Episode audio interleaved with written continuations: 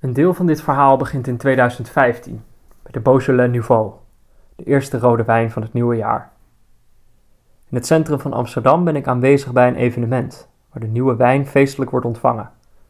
Het is niet dat ik een kenner ben, ik had me laten meenemen door een paar vrienden. Bij binnenkomst moest ik een leeg wijnglas kopen. Achter in de zaal stond een groot houten wijnvat. Bij dat vat stond een tafel met wat mensen bij wie je een fles kon kopen van de nieuwe wijn. Die werd rechtstreeks uit het vat getapt. Zoals ik het die avond heb begrepen, is het niet de bedoeling dat je die fles alleen voor jezelf houdt, maar dat je ook anderen bijschenkt en anderen jou. Als het niet de wijn zelf is die je sociaal maakt, dan is het dat ritueel wel. Een van de mensen die ik die avond leerde kennen, Wilbert. Dezelfde vrienden die me meenamen naar die avond hadden me al eens verteld over Wilbert. Ze hadden hem leren kennen bij het restaurant waar ze werkte. Je moet hem echt eens ontmoeten, zeiden ze tegen mij. Dat is een aparte jongen, daar kan je het vast goed mee vinden. En ik bedacht me dat ze omgekeerd vast hetzelfde hadden gezegd over mij. Een aparte jongen, daar kan je het vast goed mee vinden. Dus Wilbert en ik schudden elkaar uiteindelijk de hand en we kletsen wat. Maar van dat gesprek dat we die avond hadden kan ik me nog weinig herinneren. Alleen dat hij op een gegeven moment naar de wc moest en mij vroeg om zijn wijnglas vast te houden. Vervolgens verdween hij ergens achter in de zaal en raakte ik weer in gesprek met iemand anders. En pas veel later kom ik erachter dat Wilbert helemaal niet meer terug zou komen. Hij was gewoon op de fiets gestapt en naar huis gegaan. De volgende ochtend stuurt hij mij een WhatsAppje. Heb je dat glas nog steeds vast?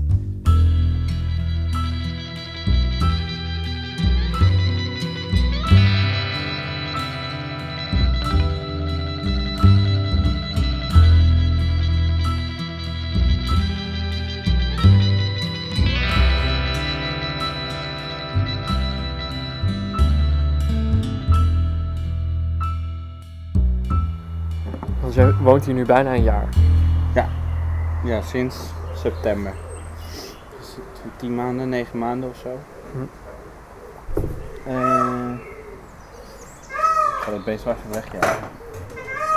Het is dinsdagochtend. Ik zit met Wilbert in de tuin. En op een gegeven moment gaat hij de pauwen wegjagen, omdat ze zo door ons gesprek heen zitten te schreeuwen.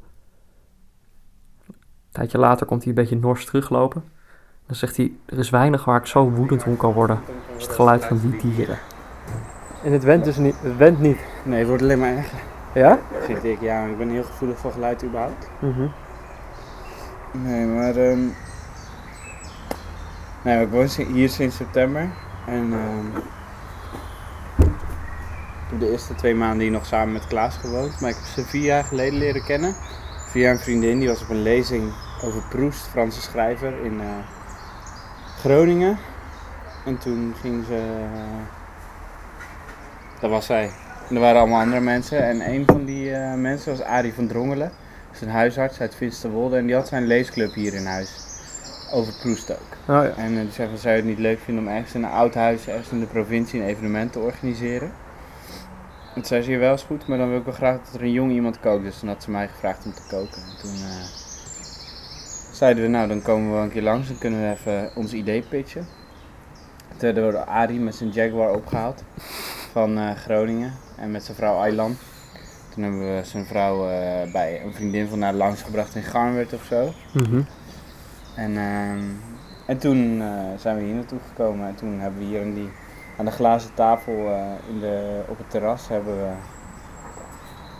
ons idee gepitcht. En toen, dat is de eerste keer dat ik echt hier iets had georganiseerd. Eh, en toen hebben we rondleiding door de tuin gehad van Klaas en hebben we samen gegeten.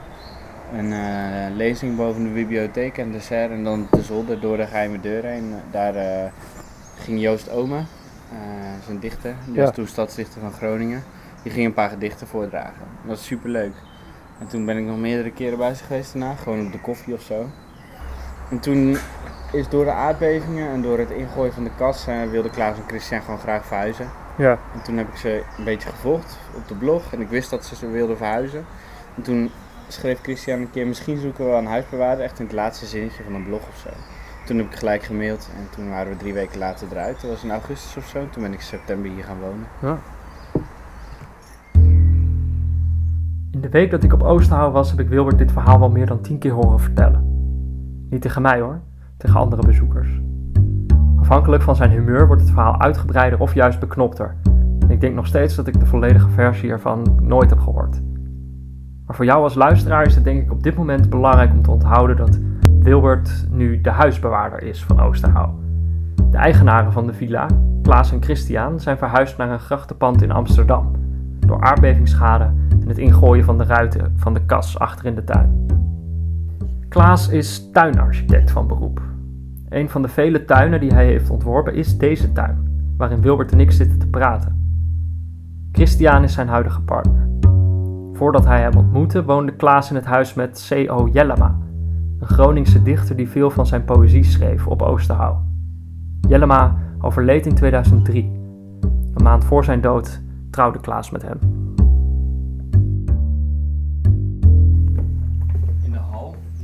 Hier onder het kleed, kan je ook echt de aardbevingsschade zien. Ja, ik vond Dus daar is zo'n marmeren tegel helemaal dwars door midden met allemaal eh, stukken eruit. Dat komt gewoon door de aardbeving. En in de rondingen hierboven zie je ook allemaal scheuren zitten. Dat is allemaal aardbevingsschade.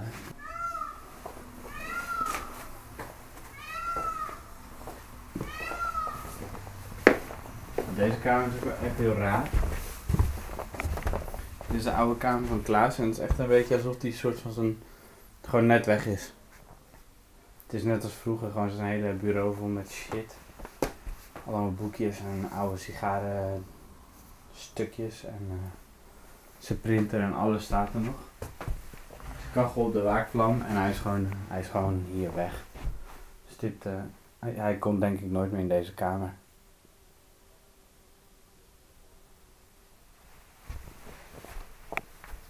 En je ziet hier ook hoe, hoe hard hij rookte.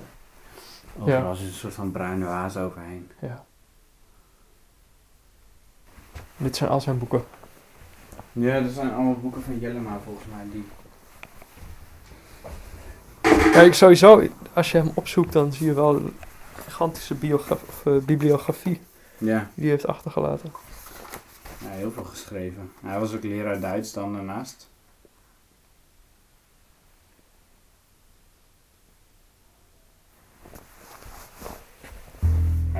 Praat ook gewoon zo ingewikkeld.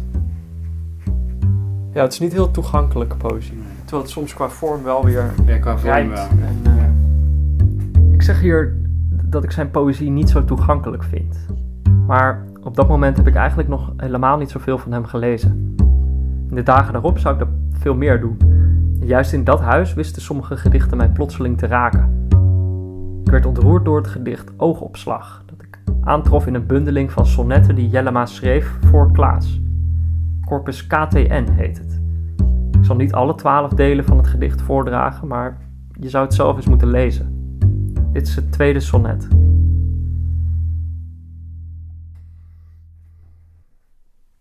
Ben je alleen in mij?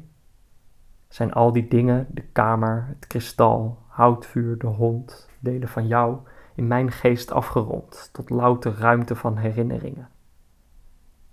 Wat is dat buiten dat wij binnengingen, waarin ik spoorzoekend de sporen vond van jou, alsof je voordien al bestond, daarin, spiegelbeeld jij, of wij tweelingen? In mij alleen besta je uit die beelden, zoals je loopt, glimlacht, wat je verzweeg van hoe je was, hoe voor mij bent geweest. Neem zo mij in die volte op als heel de vervulling, dat ben jij. Of vrees je leeg, los voor die leegte mij in. Wees mijn geest.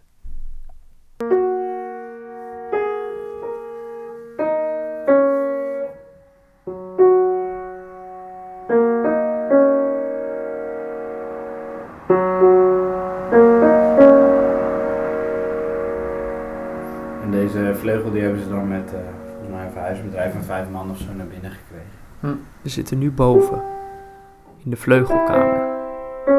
Die denk ik zo heet, omdat er een grote vleugel staat. Dat is wel veel werk. Ik weet ook echt niet waarom ze een vleugel hebben, want volgens mij is... Christian speelt misschien. Er ligt hier wel van alles. Allerlei muziek. Ja, misschien hebben ze dat erbij gekregen, maar het zou vast wel iemand spelen toch? Russische opera. Ja, maar heel ontoegankelijk, als het huis. Eigenlijk is het met al die literatuur, met al die muziek hier zo, Ja, met het huis überhaupt. Het is allemaal heel ontoegankelijk. en het is ook zoveel. Ja. Je kunt helemaal niet, eh, tenminste, dat heb ik nu, dat je helemaal niet, je, weet, je hebt gewoon geen idee waar je moet beginnen. Nee. Ja. Maar dat is op een gegeven moment, zeg maar, ja. Als je in zo'n huis gaat wonen zoals dit, zeker als het niet jouw huis is, wat je dan. Aan het begin ga je, ga je maar door en door en door met het opruimen van van alles en nog wat. En op een gegeven moment denk je, ja, als ik dit draadje lostrek, niet letterlijk, maar gewoon als ik hier aan begin, dan komt er wel weer iets anders los. Ja, Dus je houdt er gewoon mee op, op een gegeven moment. ja, Dan hou je het op een soort van minimaal niveau. Waarop je denkt, hé, ik, kan, ik kan leven. Best gek eigenlijk. ja. Ja, meestal is het toch als je ergens wil wonen, dan wil je toch het gevoel hebben dat, je, dat het van jou is en dat je het begrijpt of zo. Heb je dan, zeg maar, dat is hoe mensen thuis zouden omschrijven, denk ik. Ja. Je woont hier nou bijna een jaar. Het is niet op die manier thuis dan, denk ik toch? Nee, want je überhaupt niet echt thuis. Het is wel meer een project, denk ik. Het is wel leuk, maar ik vind het heel leuk dat ik hier mensen kan ontvangen. En soms voel ik me ook wel thuis, maar het is ook het, gewoon een raar huis waar altijd maar mensen binnenkomen en altijd maar mensen zijn. Ja, zoals ik. En de wind. En de wind.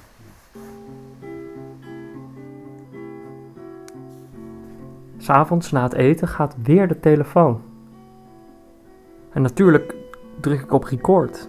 Misschien is het weer die Indiase man. Is hij gisteren wat belangrijks vergeten te vertellen?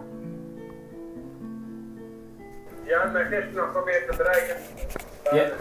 Nee, klopt. We hadden gasten en die eh, wilden misschien nog even bij je langskomen om, eh, eh, om even wat, om gewoon even een bak koffie te drinken en ze wilden nog wat spullen meenemen. Maar jij was weg, dus ik dacht, oh, dat gaat een andere keer wel. ja, zeker. Dat dacht ik. Moeten had ik al wel. Ja. Ja. Hebben jullie een lekkere vakantie gehad? Wij hebben een heerlijke vakantie gehad. Ja, we hebben lekker kunnen wandelen boven in de bergen.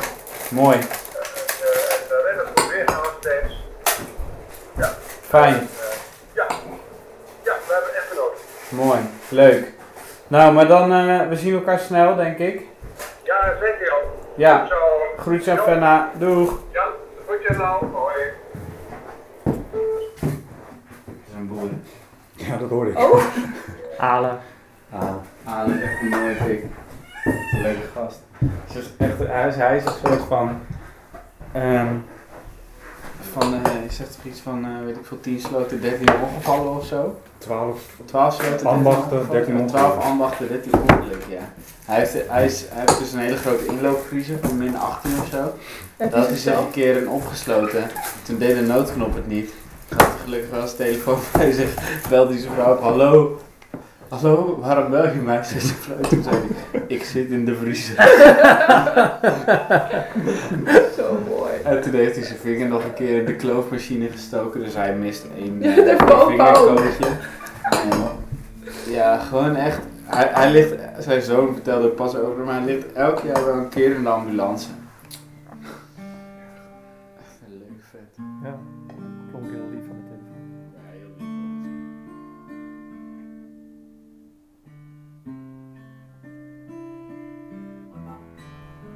Die nacht slaap ik heel diep.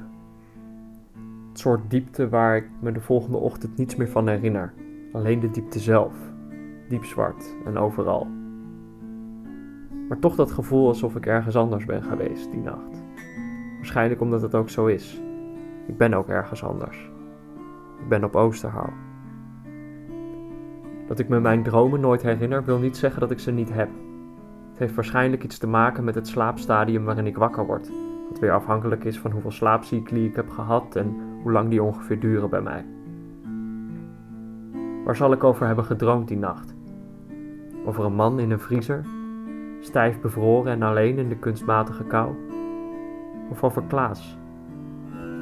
Alle verhalen die ik hier hoor komen vroeg of laat terug bij hem.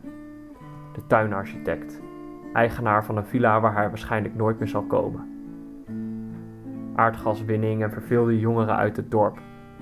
Steen voor steen de kas kapot, tegels die aan stukken trillen, barsten door het plafond. Weggejaagd. Of misschien is hij wel met opgeheven hoofd vertrokken. Niet lang nadat Klaas naar Amsterdam verhuisde, kwam hij erachter dat hij ziek was. Dat is waarom Wilbert in zijn kamer zei dat hij daar waarschijnlijk nooit meer terug zou komen. Artsen zeggen dat Klaas niet lang meer heeft. In de stiltes die je daar hoorde, drong dat langzaam tot me door. Dat ik nooit zou weten wat hij mee zou nemen. Alleen dat wat hij achterliet. Het huis, de kamer, het kristal, houtvuur, de hond, een ruimte van herinneringen. En Wilbert. Die zal maar de verantwoordelijkheid hebben om daar de bewaarder van te zijn.